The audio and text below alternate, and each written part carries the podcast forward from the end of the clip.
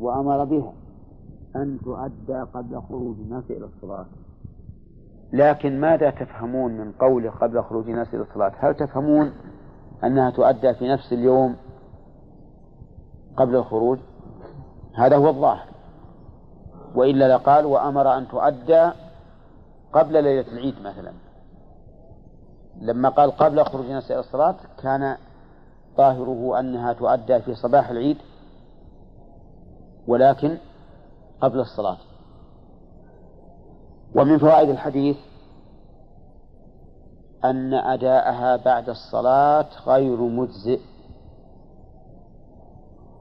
لأنه خلاف أمر النبي صلى الله, عليه وسلم وقد قال صلى الله عليه وسلم من عمل عملا ليس عليه أمرنا فهو رد. وبهذا نعرف ضعف ضعف قول من يقول من أهل العلم إنه إذا أداها بعد صلاة العيد في يوم العيد أجزأت مع الكراهة. فنقول له أين دليلك على الإجزاء؟ والنبي عليه الصلاة والسلام أمر أن تؤدى قبل خروج الناس إلى الصلاة. وهو إذا أداها بعد الخروج خروج بعد الصلاة فقد فعل ما لم يأمر به الرسول صلى الله عليه وسلم. بل فعل ما يخالف أمر الرسول. وإذا فعل ما يخالف أمر الرسول عليه الصلاة والسلام فهو مردود. وأيضا سيأتينا في حديث ابن عباس رضي الله عنهما قال من أداها قبل الصلاة فهي زكاة مقبولة ومن أداها بعد الصلاة فهي صدقة من الصدقات.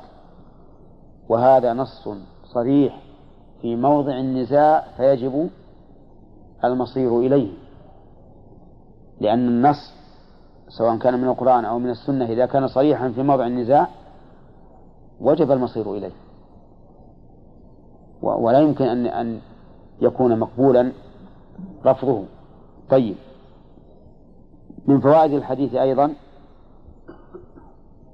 بيان حكمة الشرع في تسوية الناس في مقدار الزكاة وإن اختلفت أجناسها أو في في التسوية في الواجب في الزكاة وإن اختلفت أجناسها.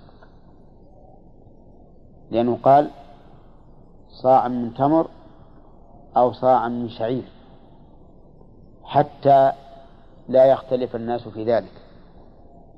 فيقول هذا أنا أخرج من جنس من جنس جيد نصف صاع ويقول الثاني أنا أخرج من جنس الردي صاعين مثلا. نقول لا الشارع قدرها صاعا لا زيادة فيه ولا نقص. وبهذا نعرف ضعف ضعف قول من ذهب إلى أنه إذا كانت الزكاة زكاة الفطر من نوع جيد فإنه يجزئ نصف الصاع بدلا عن الصاع. وممن ذهب إلى ذلك معاوية بن أبي سفيان رضي الله عنه. واختار هذا أيضا شيخ الإسلام ابن تيمية. وقال إن صدقة الفطر من البر يجزئ فيها نصف الصاع. وقاس ذلك على الكفارات. فإن الكفارات تجدون في كتب الفقهاء يقولون الواجب مد بر أو نصف صاع من غيره والصواب في هذه المسألة أعني زكاة الفطر أنه لا بد فيها من الصاع ولو كان النوع جيدا لقول أبي سعيد رضي الله عنه. أما أنا فلا أزال أخرجه كما كنت أخرجه على عهد النبي صلى الله عليه وسلم.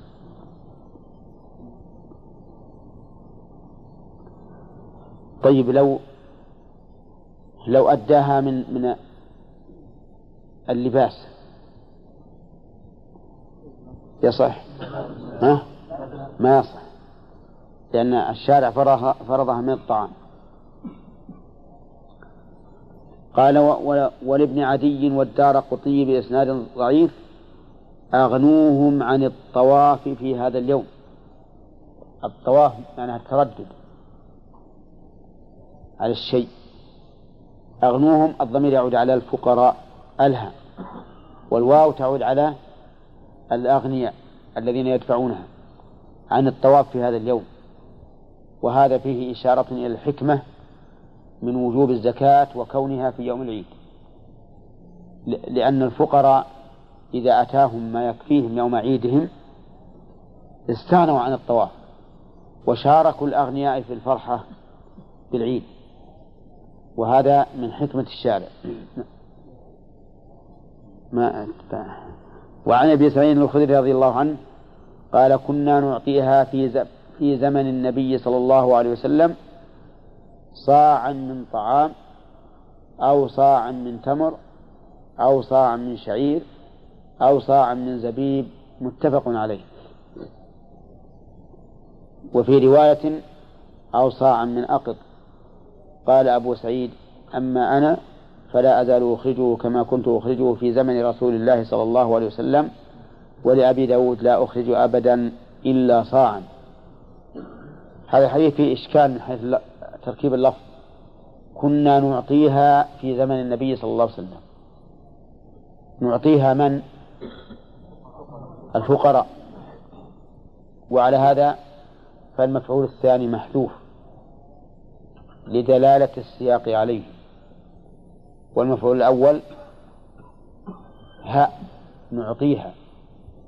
كذا؟ توافقون على هذا؟ ها؟ أو الأول الفقراء وهاء الثاني؟ الأول الفقراء والثاني هاء صح؟ ها. طيب. المفعول الأول في باب كسى في باب كسى هل هو الآخذ أو المأخوذ؟ ها؟ الآخذ هذا المفعول الأول؟ إذا الآخذ هنا الفقراء والمأخوذ الزكاة. مأخوذ الزكاة. لو قلت كسوت جبة زيدا أين المفعول الأول؟ زيدا؟ إيه. لأنه هو الفاعل في المعنى. فالفاعل في المعنى هو المفعول الأول في باب كسى وأعطى طيب إذا نعطيها نقول المفعول المفعول الأول محذوف والثاني هاء ويعود على زكاة الفطر. وقوله في زمن النبي صلى الله عليه وسلم أضافها إلى زمن الرسول عليه الصلاة والسلام لأن زمنه وقت الحجة حيث فيه إقرار النبي صلى الله عليه وسلم لهم. أما ما بعد زمن الرسول عليه الصلاة والسلام مما فعله الصحابة فهل هو حجة أم لا؟ نقول إن أجمعوا عليه فهو حجة لإجماعهم وإن اختلفوا فيه رجعنا إلى ما يرجحه الدليل.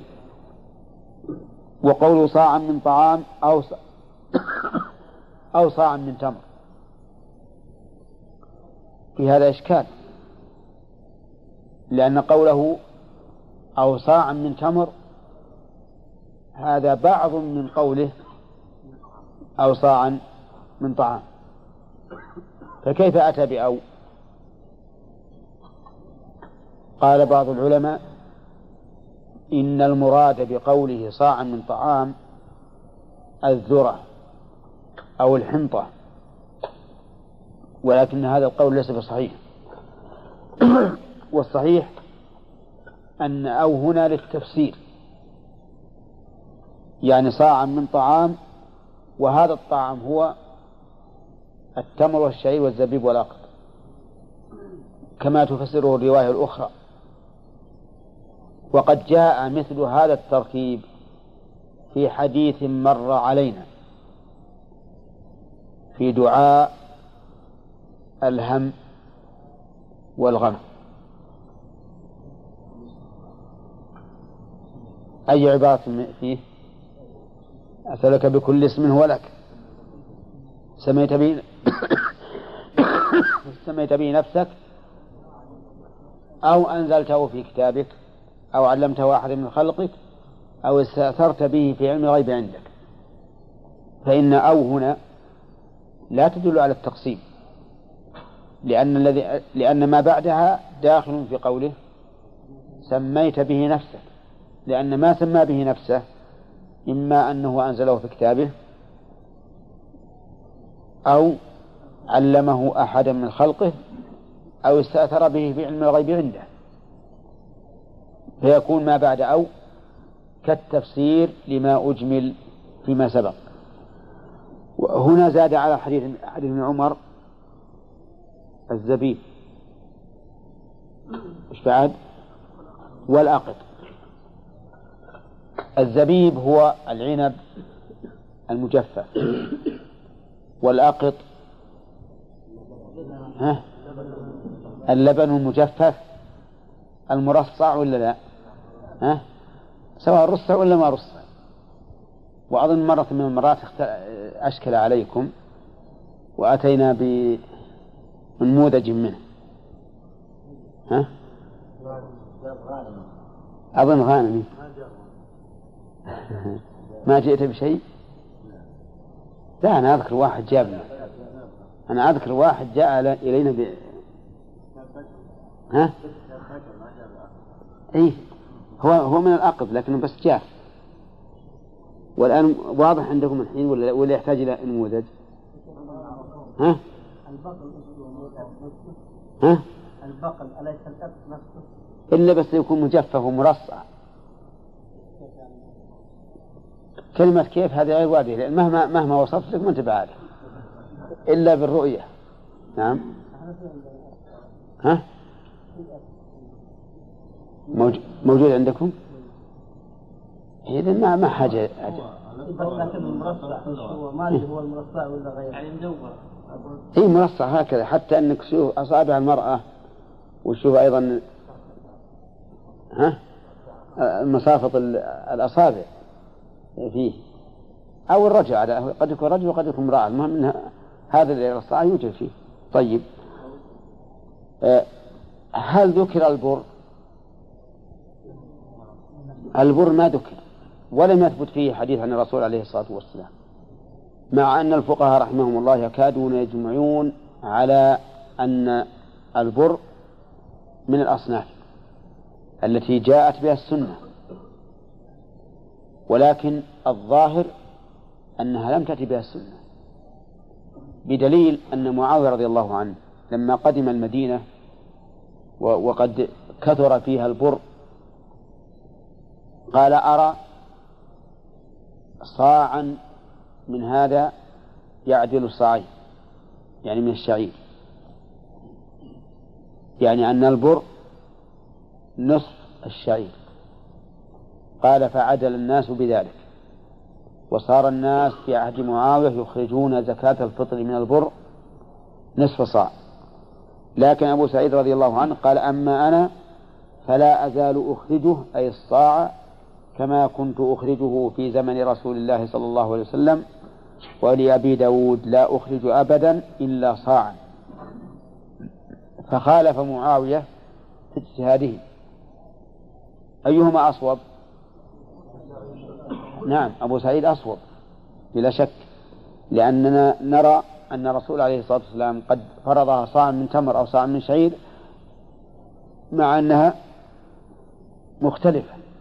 في الغالب تختلف في القيمة وفي الرابع فيستفاد من هذا الحديث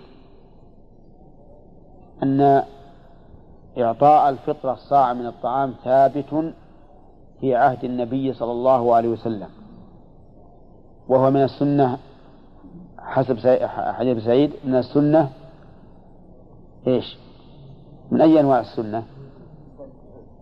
لا ولا القولية نعم التقريرية وحديث ابن عمر من السنة القولية. وفيه أيضا من فوائد حديث أبي سعيد أن اختلاف الأنواع لا يستلزم اختلاف التقدير. اختلاف الأنواع لا يستلزم اختلاف التقدير. كيف ذلك؟ لأنه قال صاع من تمر وصاع من شعير ولم يختلف المقدار مع اختلاف الأنواع. ومن فوائد الحديث أن الأولى بالمؤمن أن يأخذ بظاهر النص. لفعل من؟ لفعل أبي سعيد رضي الله عنه. لأنك إذا أخذت بظاهر النص صار ذلك حجة لك عند الله. لكن إذا خالفت ظاهر النص لمعقول رأيته فإن ذلك قد يكون حجة عليك. فيقال لك ما الذي أعلمك أن الله أراد كذا أو الرسول أراد كذا؟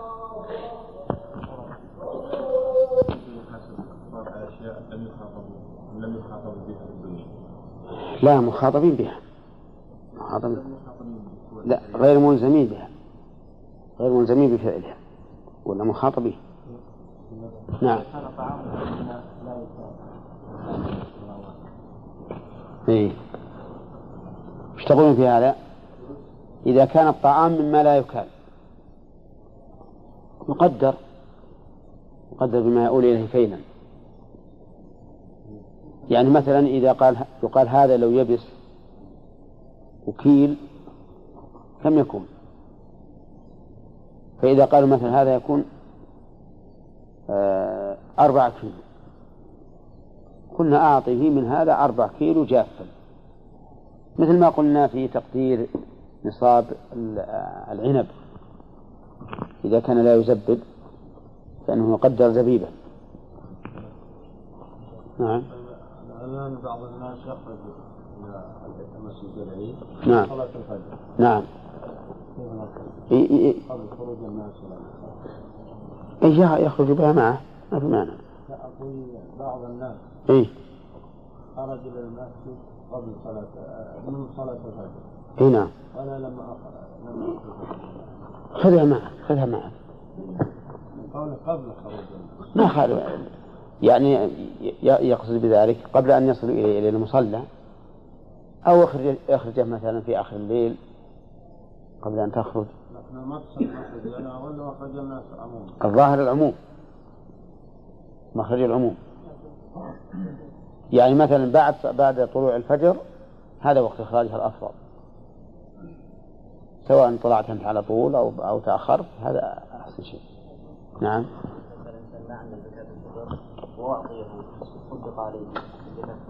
ما يخالف. يخرج. يخرجها نعم. لأنه ملكه يلزم.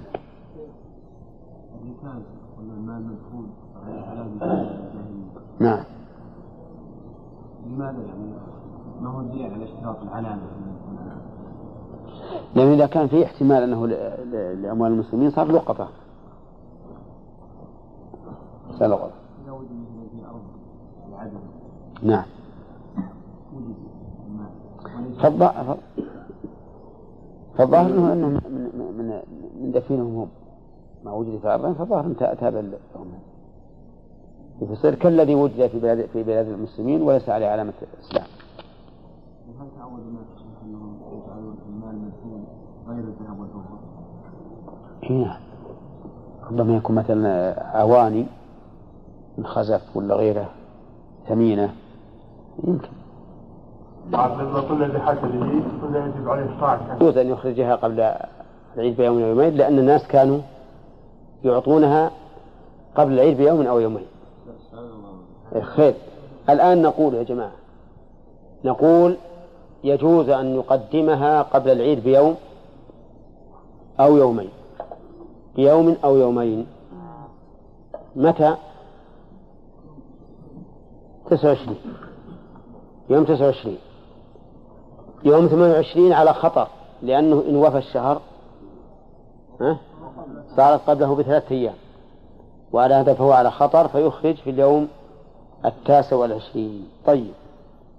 بقي علينا أن نبحث آه، الفوائد أخذناها أول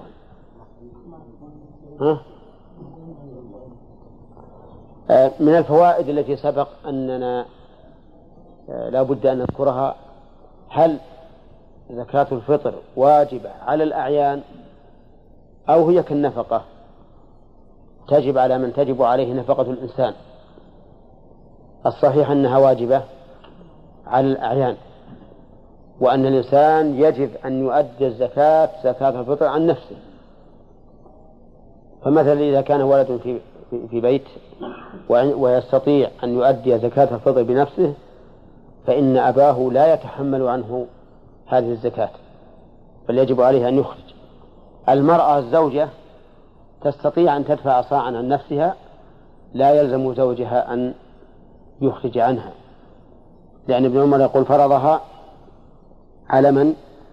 العبد والحر والذكر والأنثى والصغير والكبير.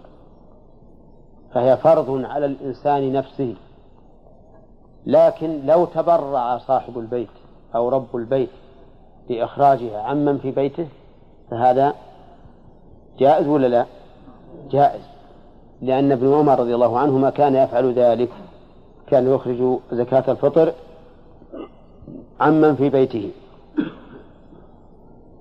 قال وعن ابن عباس رضي الله عنهما قال فرض. تقول حديث ابن سعيد ما أخذ فوائده؟ طيب. فيه فوائد حديث أبي سعيد فيه من من الفوائد أن الصحابة كانوا يخرجون زكاة الفطر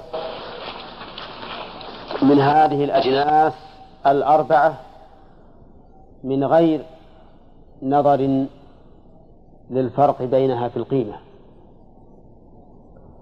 فقد يكون صاع التمر في القيمة يساوي قيمة صاعين من الشعير. فيخرج صاعا أو نصف صاع صاعا.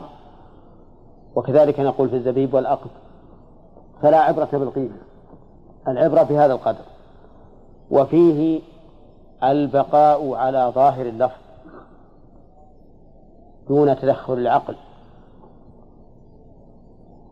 لقول أبي سعيد أما أنا فلا فلا أزال أخرجه كما كنت أخرجه في عهد النبي في زمن النبي صلى الله عليه وسلم. لأننا لو لو أن العقل تدخل في هذا الأمر لقلنا إذا كان الزبيب أغلى من الشعير. لوجب إخراج نصف صاع مثلا. يعني إذا كانت قيمة الشعير أنقص من قيمة الزبيب بالنصف. لقلنا إنه يجوز يجزئ أن يخرج من الزبيب نصف صاع. وإذا كانت أدنى منها بثلاث أرباع يخرج ربع الصاع. وهكذا. ولكن نقول إنه لا مدخل للعقل ولا للتقدير في هذا الباب. وعن ابن عباس رضي الله عنهما قال فرض رسول الله صلى الله عليه وسلم زكاة الفطر. نقول في فرض كما قلنا في حديث ابن عمر أي أوجب على سبيل الإلزام زكاة الفطر طهرة للصائم من اللغو والرفث وطعمة للمساكين. طهرة هذه مفعول من أجله أي لأجل تطهير الصائم من اللغو والرفث اللغو الكلام الذي لا فائدة منه والرفث الكلام والفعل الذي يأثم فيه الإنسان. والصائم لا يخلو من إحدى من إحدى ثلاث حالات. إما أن يحفظ صومه فلا يتكلم إلا بما فيه خير ولا يفعل إلا ما فيه خير وهذا أعلى الأقسام. وإما أن يهمل صومه فيشتغل بالرفث والفسوق والعصيان فهذا شر الأقسام. وإما أن يأتي بصومه بلغو لا فائدة فيه ولا مضرة. فهذا لا إثم عليه لكنه حرم نفسه خيرا كثيرا. لماذا؟ لأنه كان بإمكانه أن يشغل هذا الشيء الذي جعله لغوا يشغله بماذا؟ بما هو خير ومصلحة فالإنسان الصائم لا يخلو من اللغو والرفث غالبا هذه الصدقة زكاة الفطر طهرة له لأنه ثبت عن النبي عليه الصلاة والسلام أن الصدقة تطفئ الخطيئة كما يطفئ الماء النار. فتكون هذه الصدقة كفارة لما حصل للصائم من اللغو والرفث وتطهيرا له. ثانيا الفائدة الثانية وطعمة للمساكين يعني يطعمونها يوم العيد ويأكلون ويشربون مع الناس ويكون العيد عيدا للجميع.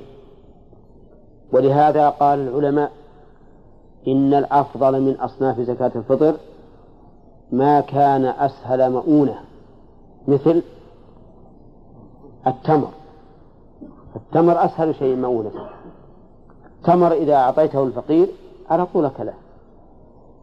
ولكن إذا كان التمر ليس الشيء المفضل عند الفقير ويفضل عليه الرز مثلا. فإن الرز يكون أولى. وقوله للمساكين المراد بهم ما يشمل الفقراء لأنه سبق لنا مرارا بأن الفقير إذا ذكر بدون ذكر المسكين فهو ها يشمل المسكين. والمسكين إذا ذكر بدون اسم بدون الفقير يشمل الفقير. وإذا اجتمع افترق فصار الفقير أشد حاجة من المسكين. في في الحديث الذي معنا هل هما مجتمعان؟ ها؟ لا. إذا فالمسكين هنا بمعنى الفقير والمسكين أيضا. فهي طعمة للمساكين يطعمونها يوم العيد ويكون العيد عيدا لهم كما هو عيد للأغنياء.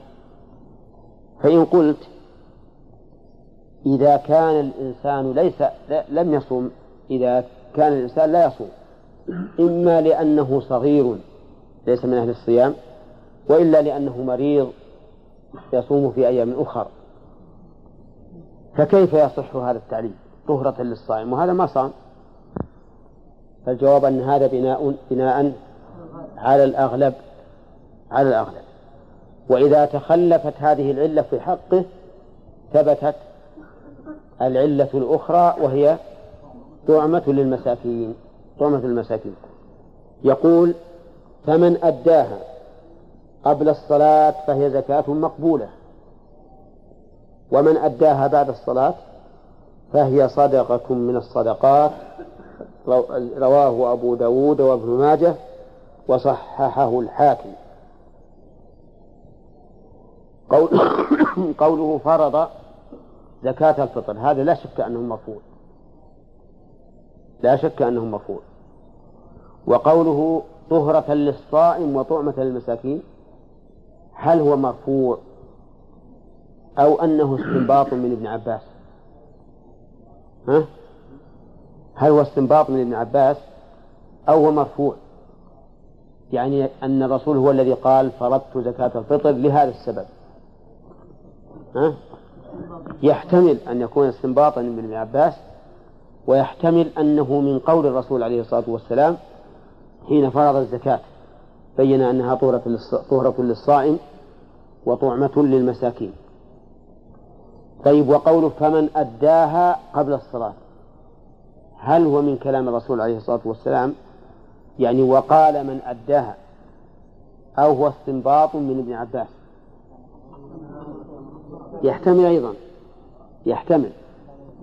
لكن الظاهر أنه ها من قول الرسول بدليل قوله في حديث ابن عمر وأمر بها أن تؤدى قبل خروج الناس إلى الصلاة. في هذا الحديث بيان الحكمة من فرض زكاة الفطر وأنها تتضح في شيئين هما ها. إيه؟ من الله من الله والرفع كذا وفيه أيضا دليل وفيه من الفوائد أنه لابد أن تصرف زكاة الفطر قبل خروج الصلاة الناس إلى الصلاة من أين تؤخذ؟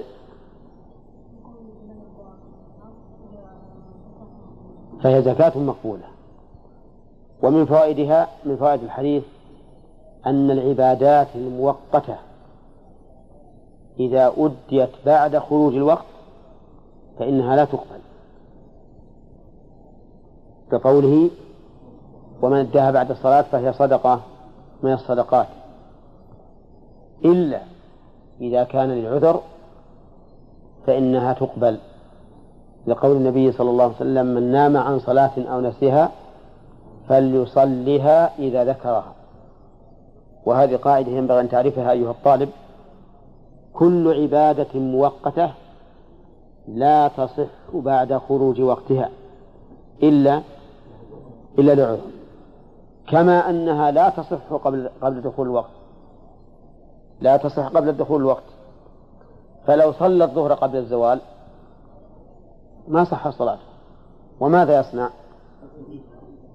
يعيدها بعد الزوال وإذا صلى بعد أن يصير ظل كل شيء مثله ها بغير عذر ها لم تصح لأنه أداها بعد خروج الوقت. إلا ها إلا لعذر فليصليها إذا ذكرها. طيب ومن فوائد الحديث أن أنه يشترط لقبول العبادات موافقة الشرع. من أين تؤخذ؟ كمن أداها قبل الصلاة فهي زكاة مقبولة. ومن أداها بعدها فهي صدقة من الصدقات وليس زكاة. انتبه.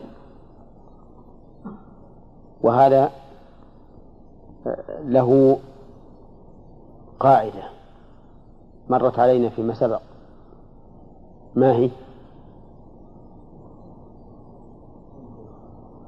قاعدة أن أن الشيء إذا فعل قبل وقته أن الأعمال تنقسم إلى إلى مقبول وغير مقبول وأن المقبول ما وافق الشرع. مر علينا أنه أنه يشترط لكل عباد أن تكون أن تكون موافقة للشرع في ستة أشياء. أي نعم. ومنها تقسيم الأعمال إلى مقبول ومردود لقوله فهي زكاة مقبولة. ومنها أيضا أن الإنسان إذا نوى عبادة نية مركبة من أمرين. فبطل أحد الأمرين بقي الآخر. ها؟ الآن هذا الرجل أدى زكاة الفطر بعد صلاة العيد. يريد أن تكون صدقة إيش؟ فطر. صدقة فطر. لغى كونها صدقة فطر فبقي وصف الصدقة. وصف الصدقة. فصارت صدقة من الصدقات. ما هي صدقة فطر؟ وقد أخذ العلماء من ذلك قاعدة. فقالوا من جملة الضوابط والقواعد وينقلب نفلا ما بان عدمه. يعني ما بان عدم فريضته. ينقلب نفلا ما بان عدمه أي عدم فريضته. فإنه ينقلب نفلا. مثل أن نؤدي زكاة مال يظن أنه قد بلغ النصاب فلم يبلغ النصاب. وش تكون؟ ها؟ تكون نفلا صدقة من الصدقات. ومثل أن نصلي فيتبين أنه صلى قبل الوقت. تكون؟ تكون نفلا ولا تنفعه. ومثل هذا الحديث من أداها بعد زكاة بعد الصلاة فهي صدقة من الصدقات.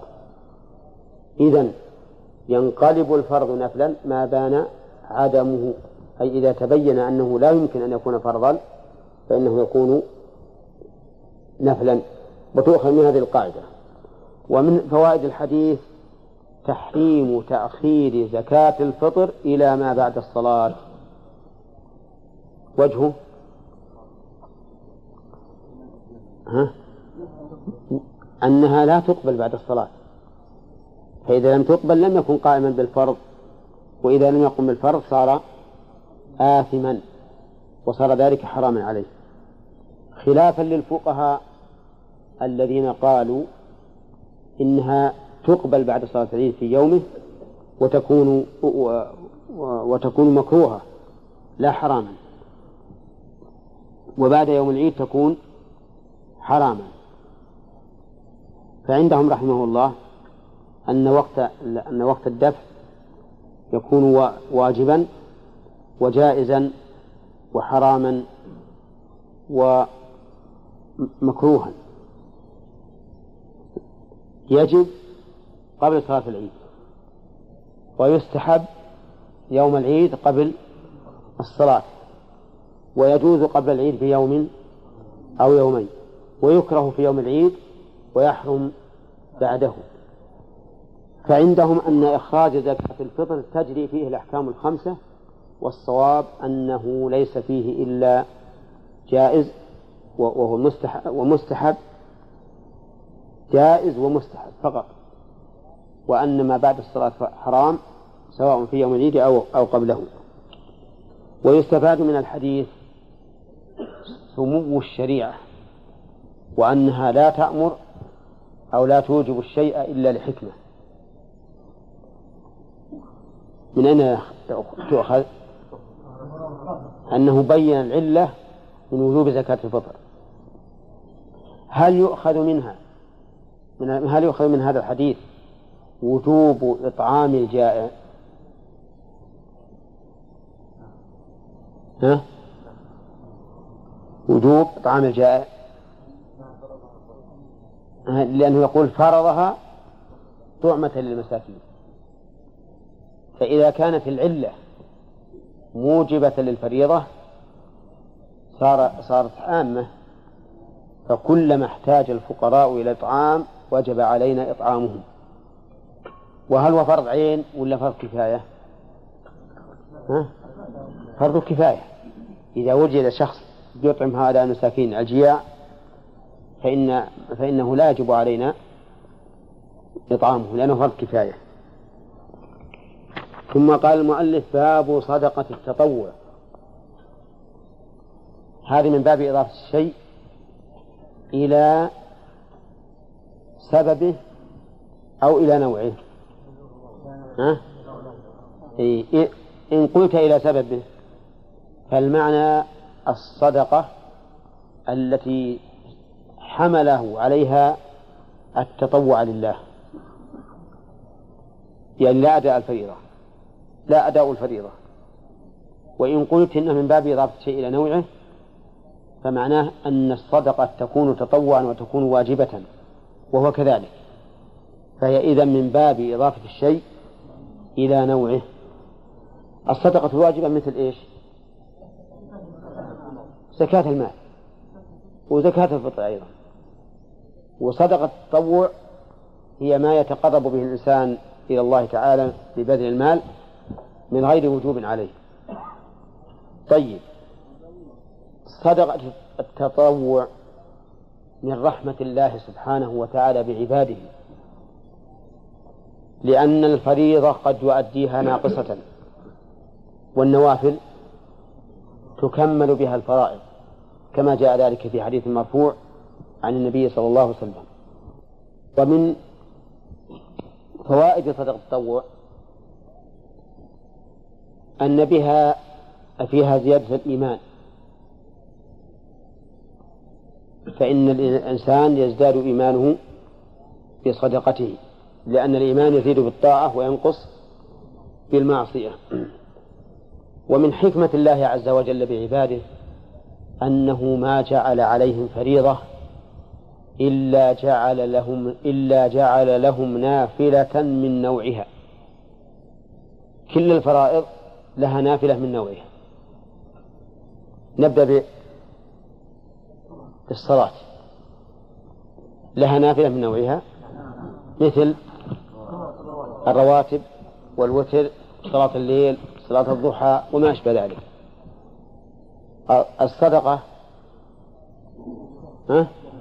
لها. الزكاة واجبة وما عداها تطوع. الصوم كذلك فيه واجب وفيه تطوع. الحج فيه واجب وفيه تطوع.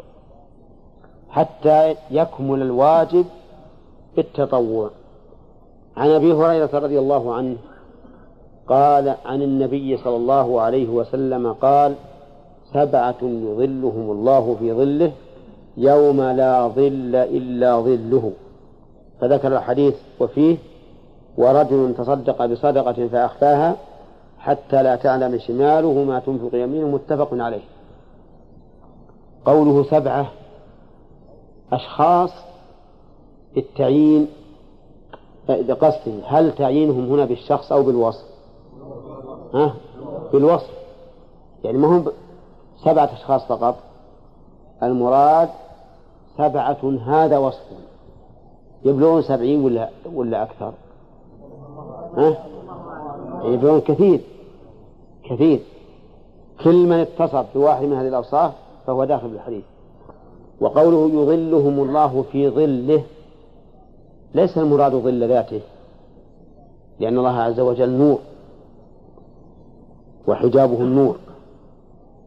وليس والمراد ظل ظل يخلقه إما ظل العرش أو غيره. المهم أن هذا ظل مخلوق وليس هو ظل الله عز وجل. وقوله يوم لا ظل إلا ظله متى؟ يوم القيامة. فإن الظلال تتضاءل وتضمحل وتذهب في ذلك اليوم. لأن الله سبحانه وتعالى يقول ويسألونك عن الجبال فقل ينسفها ربي نسفا.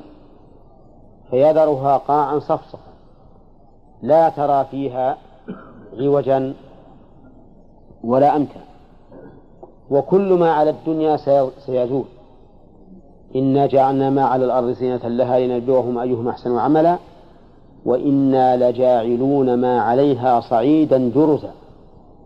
صعيدا خاليا. ليس فيه نبات ولا أشجار ولا بيوت ولا شيء. إذا هل على الأرض شيء يستظل به؟ ها؟ لا. ما في شيء يستظل به. والشمس تدنو من الخلائق في ذلك اليوم قدر ميل قريبا من رؤوسهم. وستكون حارة لكن من وقاه الله سبحانه وتعالى وقاه. فهؤلاء السبعة يظلهم الله في ظله يوم لا ظل إلا ظله. فذكر الحديث ولم يب... ولم يسقه المؤلف رحمه الله لأنه إنما ي... ي... يريد الشاهد فقط. ولكن لا حرج أن نستعرضهم الأول إمام عادل. فهذا يظله الله في ظله يوم لا ظل إلا ظله. وإنما نال هذا الأجر وغيره من أهل العدل لا ينالونه. لأن عدل الإمام أمر لأن عدل الإمام دال على أنه على أن عدله أمر ذاتي وخلقة وليس تخلقا لماذا؟ لأن الإمام ليس أحد فوقه لو جار يعارض ولا لا؟ لا يعارض لو جار فإنه لا يعارض فعدله دليل على حسن طويته وكمال نيته. وما نوع العدل في الإمام؟ نوع العدل في الإمام يكون في الحكم ويكون في المحكوم له ويكون في المحكوم عليه. في نوع الحكم والمحكوم له والمحكوم عليه.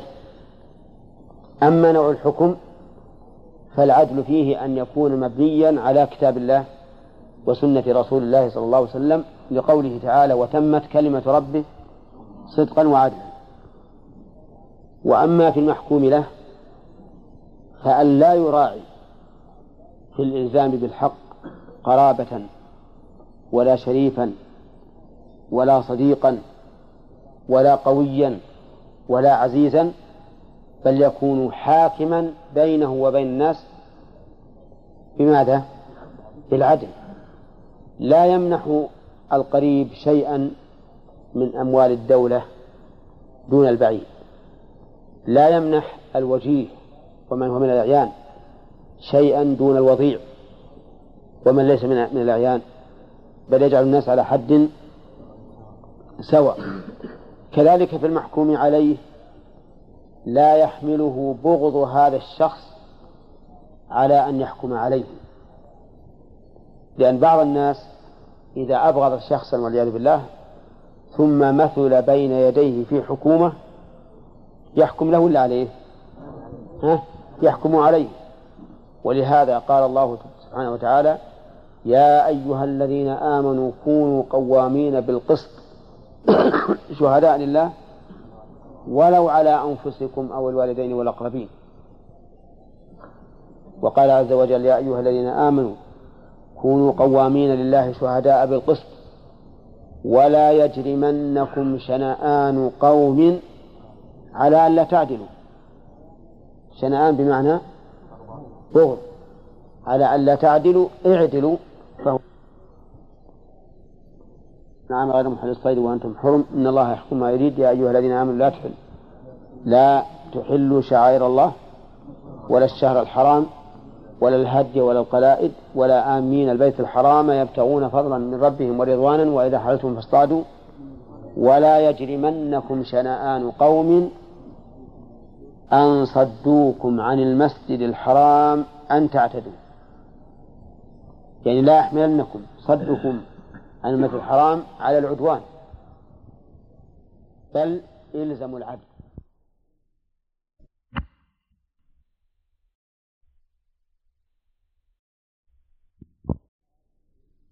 العادل وشوبه في في الحكم ها؟ والمحكوم عليه والمحكوم له. يجب أن يكون عادلا في هذه الأمور. أما عدله في الحكم فأن يحكم بما دل عليه الكتاب والسنة لأن ما دل عليه الكتاب والسنة هو العدل وتمت كلمة ربك صدقا وعدلا. وأما المحكوم عليه له فأن لا يحابيه لقرابة أو وجاهة أو قوة أو ما أشبه ذلك.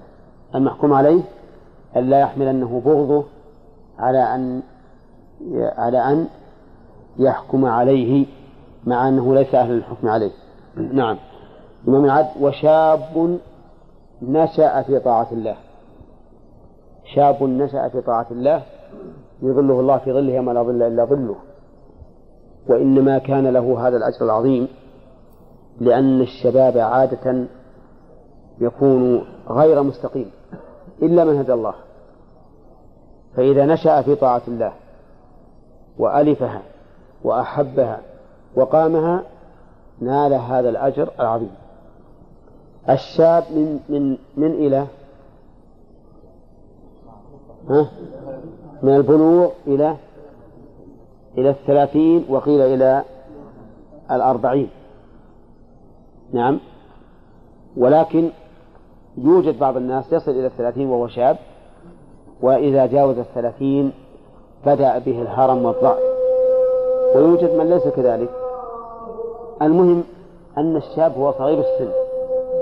إذا نشأ في طاعة الله. الله أكبر. صلاة العيد فرض عين نعم. إذا أضاف بالوقت أداء زكاة الفطر إيش؟ إذا أضاف بالوقت في أداء زكاة الفطر إما أن يؤدي الزكاة إيه؟ الظاهر أنه يقدم صلاة العيد صلاة العيد في هذا الحال. منها أهم. نعم. ومن وفي. آمنت بالله. قديم قلنا لكم إذا كان إذا إذا كان المضاف إليه من جنس جنسا للمضاف. فهي على تقدير. ها؟ من. جنس معناه واحد. طيب وإذا كان ظرفا له؟ على تصير في. مثل بل مكر الليل والنهار. إذ تمرونه وإذا كانت وما سوى ذلك فهو على تقدير اللام. طيب. فرجل قلبه معلق بالمساجد. قلبه معلق بالمساجد هل المراد بالمساجد أمكنة السجود أو أزمنتها أو نفس السجود؟ أو الجميع؟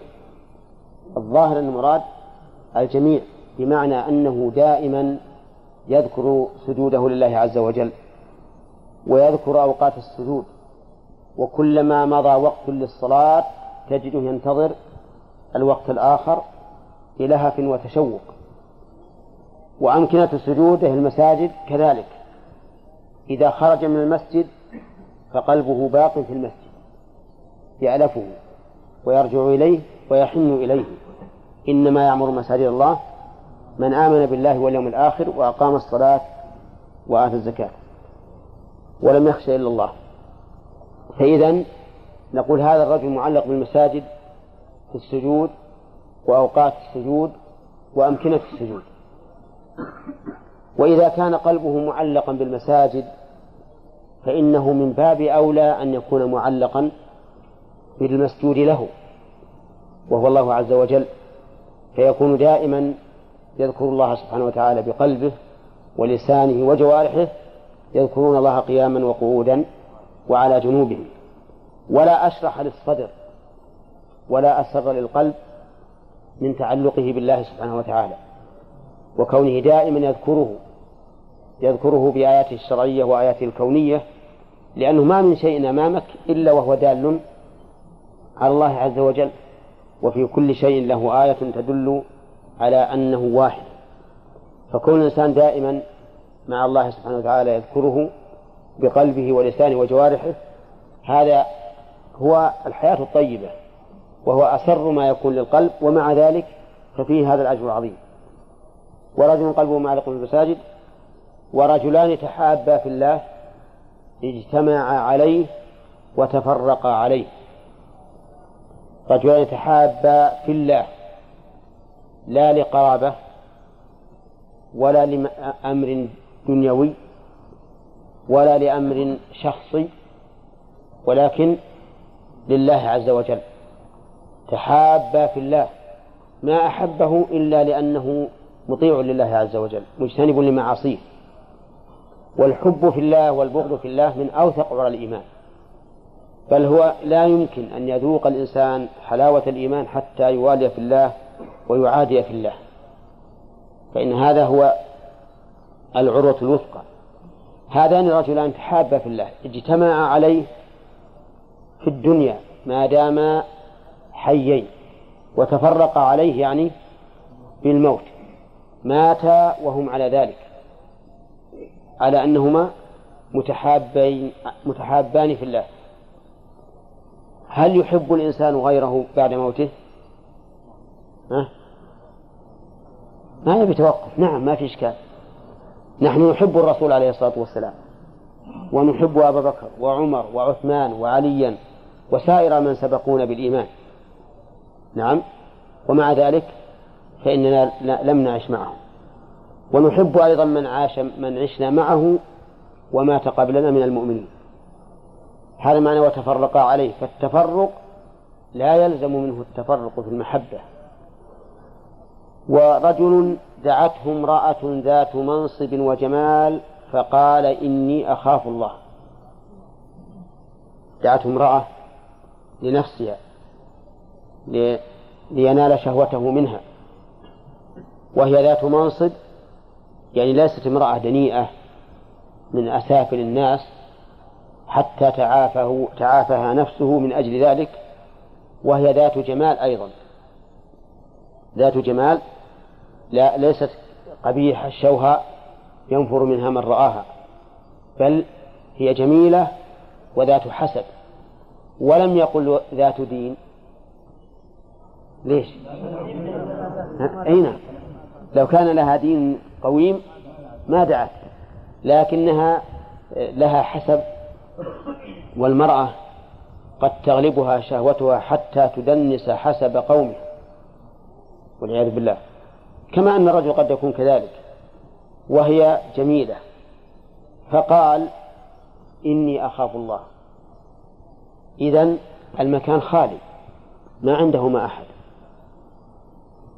والرجل قوي عنده شهوة. وش الدليل؟ الدليل أنه لم يذكر مانعا سوى خوفه من الله. لم يقل والله ما عندي شهوة. ولم يقل عندنا ناس ولم يقل أخشى أن أن يرانا أحد أو يسمع بنا أحد أبدا ما خاف إلا من الله عز وجل. هذا يوم فضلك يظله الله في ظله يوم لا ظل إلا ظله لكمال عفته. فالأسباب للفتنة موجودة. وهو, وهو ها؟ الحسب والجمال والموانع مفقودة. ما في موانع من الخلق تمنعه ولكن يمنعه خوف الله. فقال إني أخاف الله وتركها. وله وهذا له أسوة بمن؟ بيوسف عليه الصلاة والسلام. فإن يوسف دعته امرأة العزيز وغلقت الأبواب.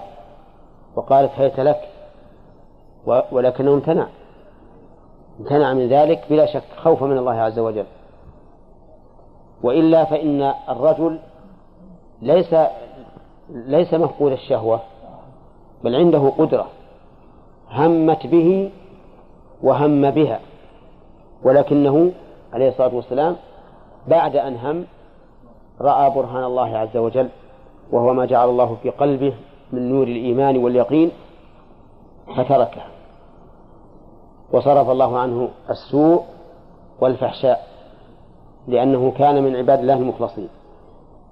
أما أما السادس أظن؟ السادس. فهو رجل تصدق بصدقة فأخفاها. بعد السابع هو الأخير. تصدق بصدقة فأخفاها حتى لا تعلم شماله ما تنفق يمينه. تصدق بصدقة. الصدقة هنا أعم من أن تكون نفلا فهي صادقة بالواجب والمستحب.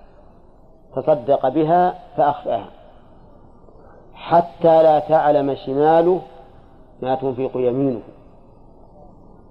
قيل إن المراد بالشمال من على شماله. يعني من الناس بحيث يمدها مثلا هكذا من اليمين ولا يطلع عليها أحد. وقيل لا تعلم شماله أي يده الشمال ما تنفق يمينه وهذا أقرب. ولكن من المعلوم أنه كناية عن شدة الإخفاء حتى إنه لو لو أمكن أن لا تعلم اليد اليسرى ما أنفقت اليمنى لحصل. لا يقال إن هذا مجاز. نقول لأن كل أحد يعرف بأن اليد اليسرى ليس عندها علم. ليس عندها علم. لكن المعنى أنه لشدة إخفائها لا تعلم شماله ما تنفق يمينه. وهذا لكمال إخلاصه لله عز وجل وكمال رحمته بأخيه الذي تصدق عليه حتى لا يخجله أمام الناس. لأن كثيرا من الناس يكره أن يطلع الناس على أنه فقير يتصدق عليه. ولا لا؟ فهذا الرجل لشدة إخلاصه لله وأنه لا يريد أن أن يمدحه أحد لنفقاته أو صدقاته ولشدة رحمته بأخيه حتى لا يرى أحد من الناس أنه من عليه بالصدقة أخفى هذه الصدقة. حتى لا تعلم شماله ما تنفق يمينه. أما السابع فرجل ذكر الله خاليا ففاضت عيناه. فاضت عيناه شوقا إلى ربه شوقا إلى الله عز وجل ومحبة للقائه لأنه ذكره خاليا خاليا عن حضور الناس أو خالي القلب عما سوى الله. أو الأمران. الظاهر الأمران. خاليا عن حضور الناس فهو لم يبكي رياء وسمعة. خاليا قلبه عما سوى الله لأن القلب إذا صفى وخلا من غير الله صار عنده من الخشوع والشوق إلى الله عز وجل والخوف من عقابه ما لا يكون إذا كان متعلقا أو, متذكرا لغير الله سبحانه وتعالى. فهذا الرجل ذكر الله خاليا سواء كان يقرأ أو يصلي أو يتأمل أو يفكر أو يقرأ في سيرة النبي عليه الصلاة والسلام أو ما أشبه ذلك. المهم أنه خالي ففاضت عيناه شوقا إلى ربه سبحانه وتعالى. والإنسان أحيانا يشتاق إلى الله سبحانه وتعالى حتى يود أنه ملاقيه الآن. كما قال النبي عليه الصلاة والسلام أسألك الشوق إلى لقائك في غير ضراء مضرة ولا فتنة مضلة.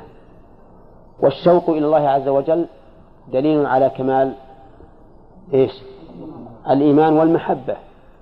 يعني على كمال الإيمان والمحبة. فهذا الرجل كان في قلبه من محبة الله عز وجل ما أوجب له أن يشتاق إلى الله فذكر الله خاليا ففاضت عيناه من البكاء. هذا يظله الله في ظله يوم لا ظل إلا ظله. وأعلم أن هذه الأوصاف أن هذه الأوصاف الحميدة قد يكون في الإنسان صفة واحدة أو صفتان أو أكثر بل قد تجتمع كل الصفات فيه. قد تجتمع كل الصفات فيه. يكون إماما عادلا ويكون متصفا بالصفات الأخرى. وفضل الله تعالى يؤتيه من يشاء. نأخذ الآن من فوائد الحديث ما أثبته المؤلف وهو قوله رجل تصدق بصدقة. كلمة رجل ليس لها مفهوم. ليس لها مفهوم. لماذا؟ إما لأن لأن التعبير بالذكور أشرف. من الإناث أشرف من الإناث. وهذا أمر معروف. وأكثر ما عبر الله في القرآن بصيغة الذكور لأنه أشرف أو يقال إن هذا مفهوم لقب. مفهوم لقب. يعني ليس أمرا مشتقا حتى يؤخذ منه.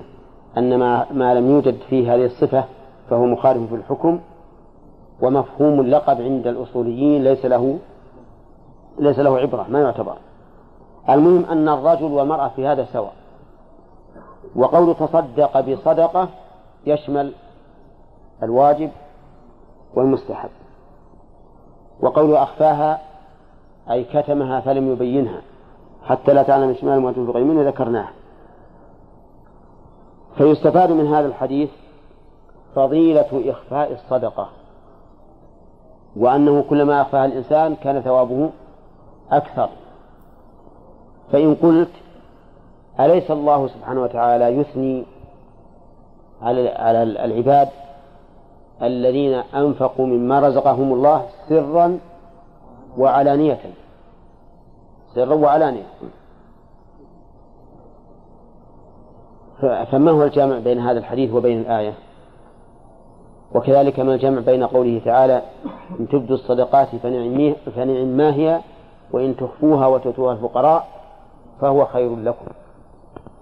قلنا الأصل في الصدقة من حيث هي أن إخفاءها أفضل لأنه أبعد عن الرياء وأبعد عن إظهار المنة على المتصدق عليه وأبعد أيضا عن كسر خاطره أمام الناس. واضح؟ هذا من حيث هي صدقة. فإن اقترن بها ما يجعل إعلانها خيرا من إصرارها صار إعلانها خيرا. صار إعلانها خيرا لأنه قد يعرض المفعول ما يجعله أفضل. كيف يكون الإعلان خيرا من الإصرار؟ إذا كان المقصود الاقتداء. يعني هذا الرجل تصدق ليراه الناس فيقتدوا به. هذا واحد. ثانيا ربما يكون هذا الرجل الذي تصدق عليه محتاجا. ولا تكفيه صدقته فأتصدق إظهارا لحاجة هذا الرجل. نعم لأجل أن يعطى الناس أن يعطيه الناس. لأجل أن يعطيه الناس. فإذا قد يكون في إظهارها خير. قد يكون في إظهارها خير. إما للمتصدقين أو للمتصدق عليه. إما للمتصدقين إذا اقتدوا بهذا المتصدق. وإن وإما للمتصدق عليه إذا أعطاه الناس كما أعطاه هذا الرجل. وإلا فإن الأصل هو إيش؟ الإخفاء. نعم. وعن عقبة بن عامر رضي الله عنه قال سمعت رسول الله صلى الله عليه وسلم يقول كل امرئ في ظل صدقته حتى يقضى بين الناس رواه ابن حبان والحاكم. كل امرئ. ها؟ كيف؟ إيه حتى يوصل بين الناس رواه ابن حبان والحاكم. كل امرئ في ظل صدقته. كل هذه من ألفاظ العموم. وامرئ نقول فيها مثل ما قلنا في رجل السابق. يعني كل امرئ وامرأة في ظل صدقته يحتمل أن يكون المراد بالظل هنا الحماية يعني أن الله تعالى يحميه من أجل الصدقة. ويحتمل أن يكون ظلا حقيقيا بمعنى أن الصدقة تجعل كالظل على رأسه. كالظل على رأسه. أفهمتم؟ طيب. أيهما أولى؟ الثاني أولى لأن الحقيقة هي الأصل. والصدقة قد تكون ظلا فإن الله سبحانه وتعالى قادر على أن يجعل المعاني أعيانا. والأعيان معاني. قادر على هذا وهذا. فهذه فهذه الصدقة وإن كانت عملا عملا مضى وانقضى وهو فعل من أفعاله. لكن المتصدق به شيء محسوس. قد يؤتى به يوم القيامة بصفة شيء محسوس. بل قد ثبت عن النبي عليه الصلاة والسلام أن البقرة وآل عمران تأتيان يوم القيامة كأنهما غيايتان أو غمامتان أو فرقان من طير صواف. تحاجان عن صاحبهما يوم القيامة. فهذا القرآن كلام الله عز وجل وهو فعل القارئ. ومع ذلك يجعل الثواب كأنها كأنه فرقان من كأنهما فرقان من طير صواف. فهذه الصدقة يجعلها الله تعالى شيئا محسوسا يظل صاحبه.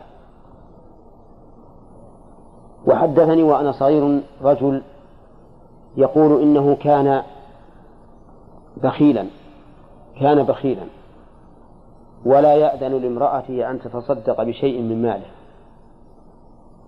فنام نومة نومة ورأى في المنام كأنه في يوم القيامة كأنه في يوم القيامة.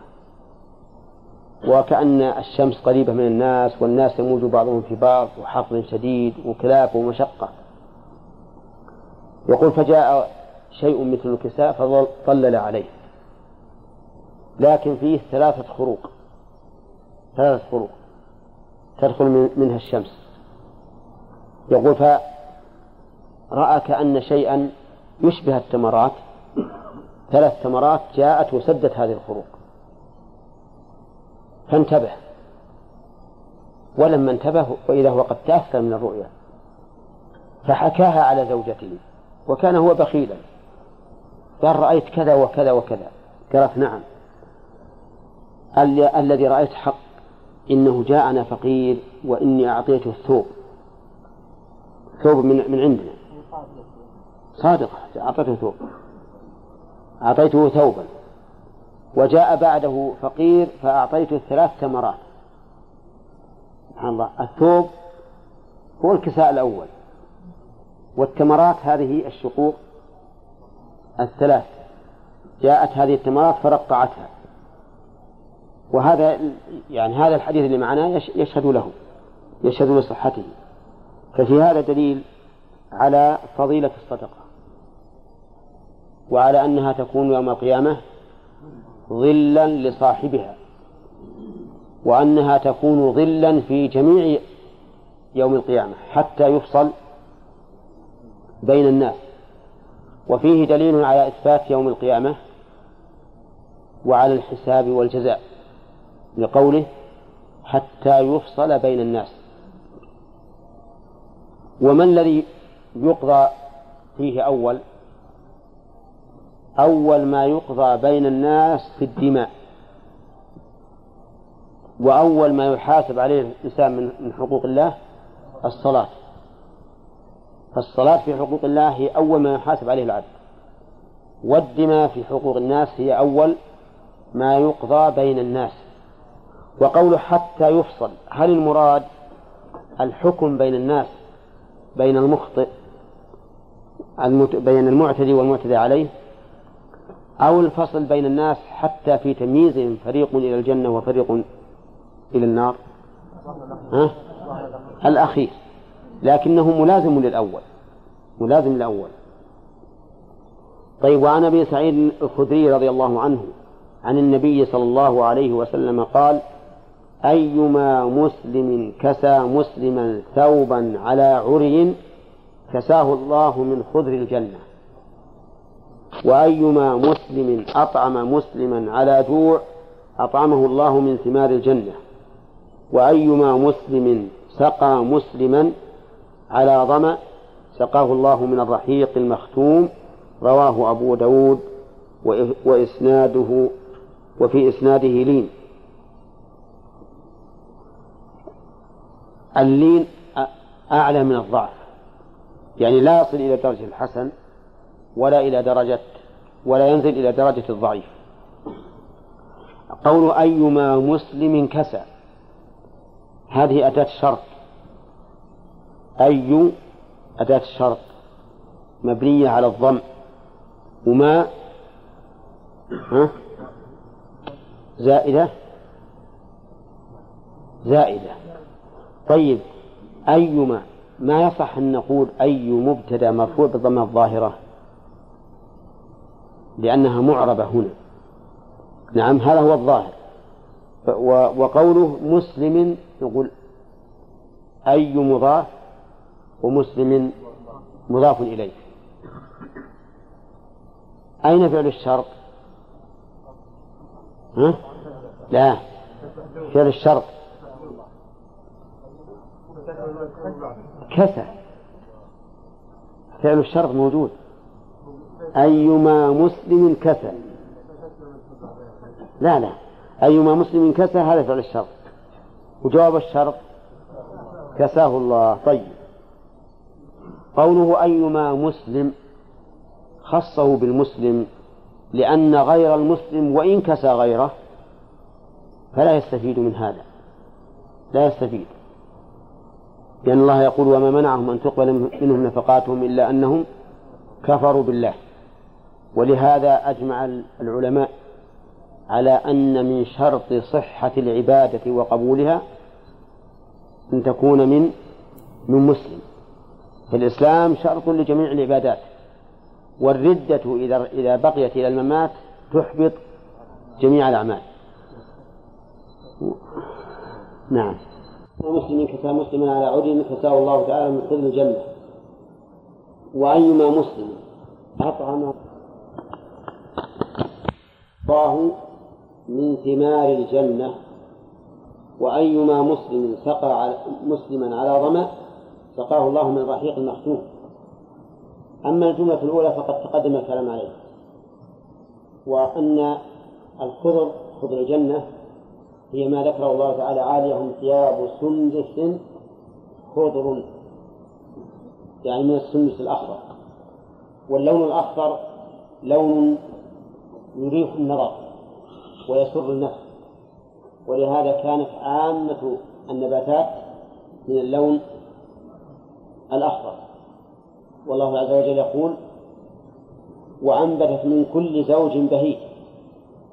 فالأخضر لا شك أنه يسر العين يسر النفس وأن العين ترتاح له أكثر.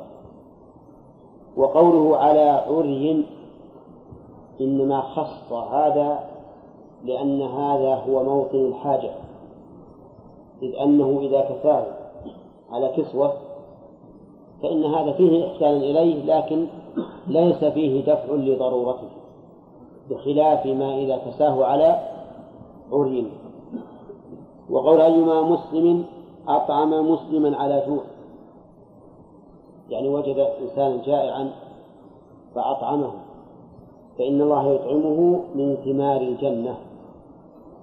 وثمار جمع ثمر وهو ما ينتجه الشجر. ومعلوم أن أن الجنة فيها أنواع متنوعة من الثمرات. قال الله تبارك وتعالى فيهما من كل فاكهة زوجان. وقال في الجنتين الأخرين فيهما فاكهة ونخل ورمان. فإذا أطعمت مسلم على سوء فإن الله تعالى يطعمه من ثمار الجنة. وأيما مسلم سقى مسلما على ظمأ سقاه الله من الرحيق المختوم.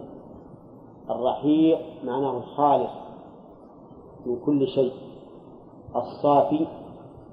ومعلوم أن أنهار الجنة أربعة أنواع. فيها أنهار من ماء غير آسن وأنهار من لبن لم يتغير طعمه وأنهار من خمر لذة للشاربين وأنهار من عسل مصفى والمختوم بين الله عز وجل بماذا هو مختوم؟ فقال ختامه نصف وفي ذلك فلا تنافسوا المتنافسون ففي هذا الحديث عدة فوائد. أولا أولا فضيلة نسوة المسلمين وإطعامهم. وإسقائهم ووجه ذلك أن النبي صلى الله عليه وسلم ذكر هذا الجزاء حثا وترغيبا. وفيه أيضا إثبات الجزاء بقوله من فعل كذا فعل الله به كذا وفيه أيضا أن الجزاء من جنس العمل. إذن الأول كسى فكسي. أطعم فأطعم سقى فسقي. وفيه أيضا إثبات الجنة. وهذا أمر معلوم بالضرورة من دين الإسلام. وهي الآن موجودة. لقوله تعالى أعدت للمتقين. وستبقى دائم الأبد. فإنها منذ خلقت لا تفنى. وكذلك النار. منذ خلقت لا تفنى وفيه أيضا إثبات الأفعال الاختيارية للعبد بقوله كسى وأطعم وسقى. وهذه ولولا أنها اختيارية ما حث النبي عليه الصلاة والسلام عليها ولا كان للجزاء عليها فائدة. وفيها أيضا أن هذه الأعمال لا تنفع إلا إذا كان الإنسان مسلما. لقوله أيما مسلم فإن وقعت هذه هذه الأعمال من الكافر لم تنفعه. ولكن هل يجازى عليها؟ نعم قد يجازى عليها في الدنيا فيوسع له في الرزق. ويكشف عنه السوء ويشفى من المرض وما أشبه ذلك. أما في الآخرة فلا حظ له فيها. وقوله من سقى أي مسلم كسى مسلما هل يؤخذ منه أن هذا الثواب لا يكون إلا إذا كان المنعم عليه مسلما؟ ها؟ الجواب نعم. لأن الإنعام على المسلم خير من الإنعام على غير المسلم ولكن هل في الإنعام على غير المسلم أجر؟ الجواب نعم إلا الحرب الكافر الحربي فالإنعام عليه يكون بدعوته إلى الإسلام وإلا يقتل نعم فأما الذمي والمعاهد والمستأمن والحمار والكلب والبعير وما أشبه ذلك ففيه ففيه أجر. حتى أن النبي عليه الصلاة والسلام أخبرنا عن امرأة بغي رأت كلبا يلهث من العطش فنزلت وأخذت بخفها من الماء حتى شرب فغفر الله لها. لأنها سقت هذا الكلب على ظمأ قيل يا رسول الله هل لنا في البهائم من أجر؟ قال في كل ذات كبد حر أجر طيب هل يؤجر الإنسان إذا أطعم ذرة أو نملة؟ ها؟ يؤجر؟ صح إن كانت تؤذي لا يؤجر نعم وإن كانت لا تؤذي فيؤجر. نعم. وقد حكيت عليكم قصة ذكرها ابن القيم عن رجل رأى ذرة تمشي فوضع لها طعاما لكنها تعجز عن حمله. فلما رأت الطعام وعجز عن حمله ذهبت إلى صاحباتها ودعتهم فجاءوا. فلما أقبلت الذر رفع الطعام. فجاءت الذر تطلب الطعام وهذه التي ذهبت تستصرخهم جعلت تبحث ما وجدت شيء. فرجعت الذر ثم وضعه مرة ثانية. ورأته هذه الذرة وتيقنت فرجعت إلى صاحباتها فدعته. فجاءوا فلما أقبلوا رفعه فجعلوا يطلبونه ما وجدوه. فانصرف. هذه مرة ثانية. ثم وضعه. فلما تيقنت الذرة مرة ثالثة ذهبت ودعت أخواتها. فجئنا إليه فلم نجده لما أقبلنا عليه رفعه. في المرة الثالثة يقول اجتمعنا عليها فقتلنا الذرة. ها؟ هذا هذا حكاية ابن القيم. اتبع عليه رحمه الله. يقول فحكيت ذلك لشيخي. فقال رحمه الله شيخ الإسلام نعم. يعني كل ما, ما, ما له إرادة فإنه يكره الكذب ويجازي على الظلم. الذر هذول قالت هذه المرأة تكتب علينا تكتب علينا. وكان طيب ما تقولون في هذا الرجل؟ هل عليه دية هذه هذه الذرة؟ نعم. عليه إثم لماذا؟ تسبب لقتله. طيب. إذا نقول كل شيء يستفيد من الطعام فلك فيه أجر. نعم.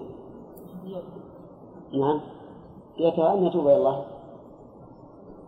طيب ويستفاد من هذا الحديث آه، أن أن هذا الجزاء مشروط بكون المنعم عليه به محتاجا إليه. من أين يؤخذ؟ من قوله على عري وعلى جوع وعلى ظمأ وعلى ظمأ طيب فإن لم يكن كذلك مثل أن يكسو إنسانا عنده كسوة لكن كساه نافذة فهل يحصل له هذا الأجر؟ الظاهر لا لأن القياس هنا قياس مع الفارق لأنه ليس دفع الحاجة كتحصيل الكمال النافذة. قال وعن حكيم بن حزام رضي الله عنه عن النبي صلى الله عليه وسلم أنه قال اليد العليا خير من اليد السفلى. هذا مبتدأ وخبر يد عليا ويد سفلى. اليد العليا خير من اليد السفلى لأن العليا عالية والسفلى نازلة وما هي اليد العليا؟ فسرها النبي عليه الصلاة والسلام في حديث آخر بأن اليد العليا يد المعطي واليد السفلى يد الآخر المعطى وهذا ظاهر لأن المعطي أعلى رتبة من المعطى على كل تقدير فتكون يده هي اليد العليا وقيل إن اليد العليا هي يد المعطى بلا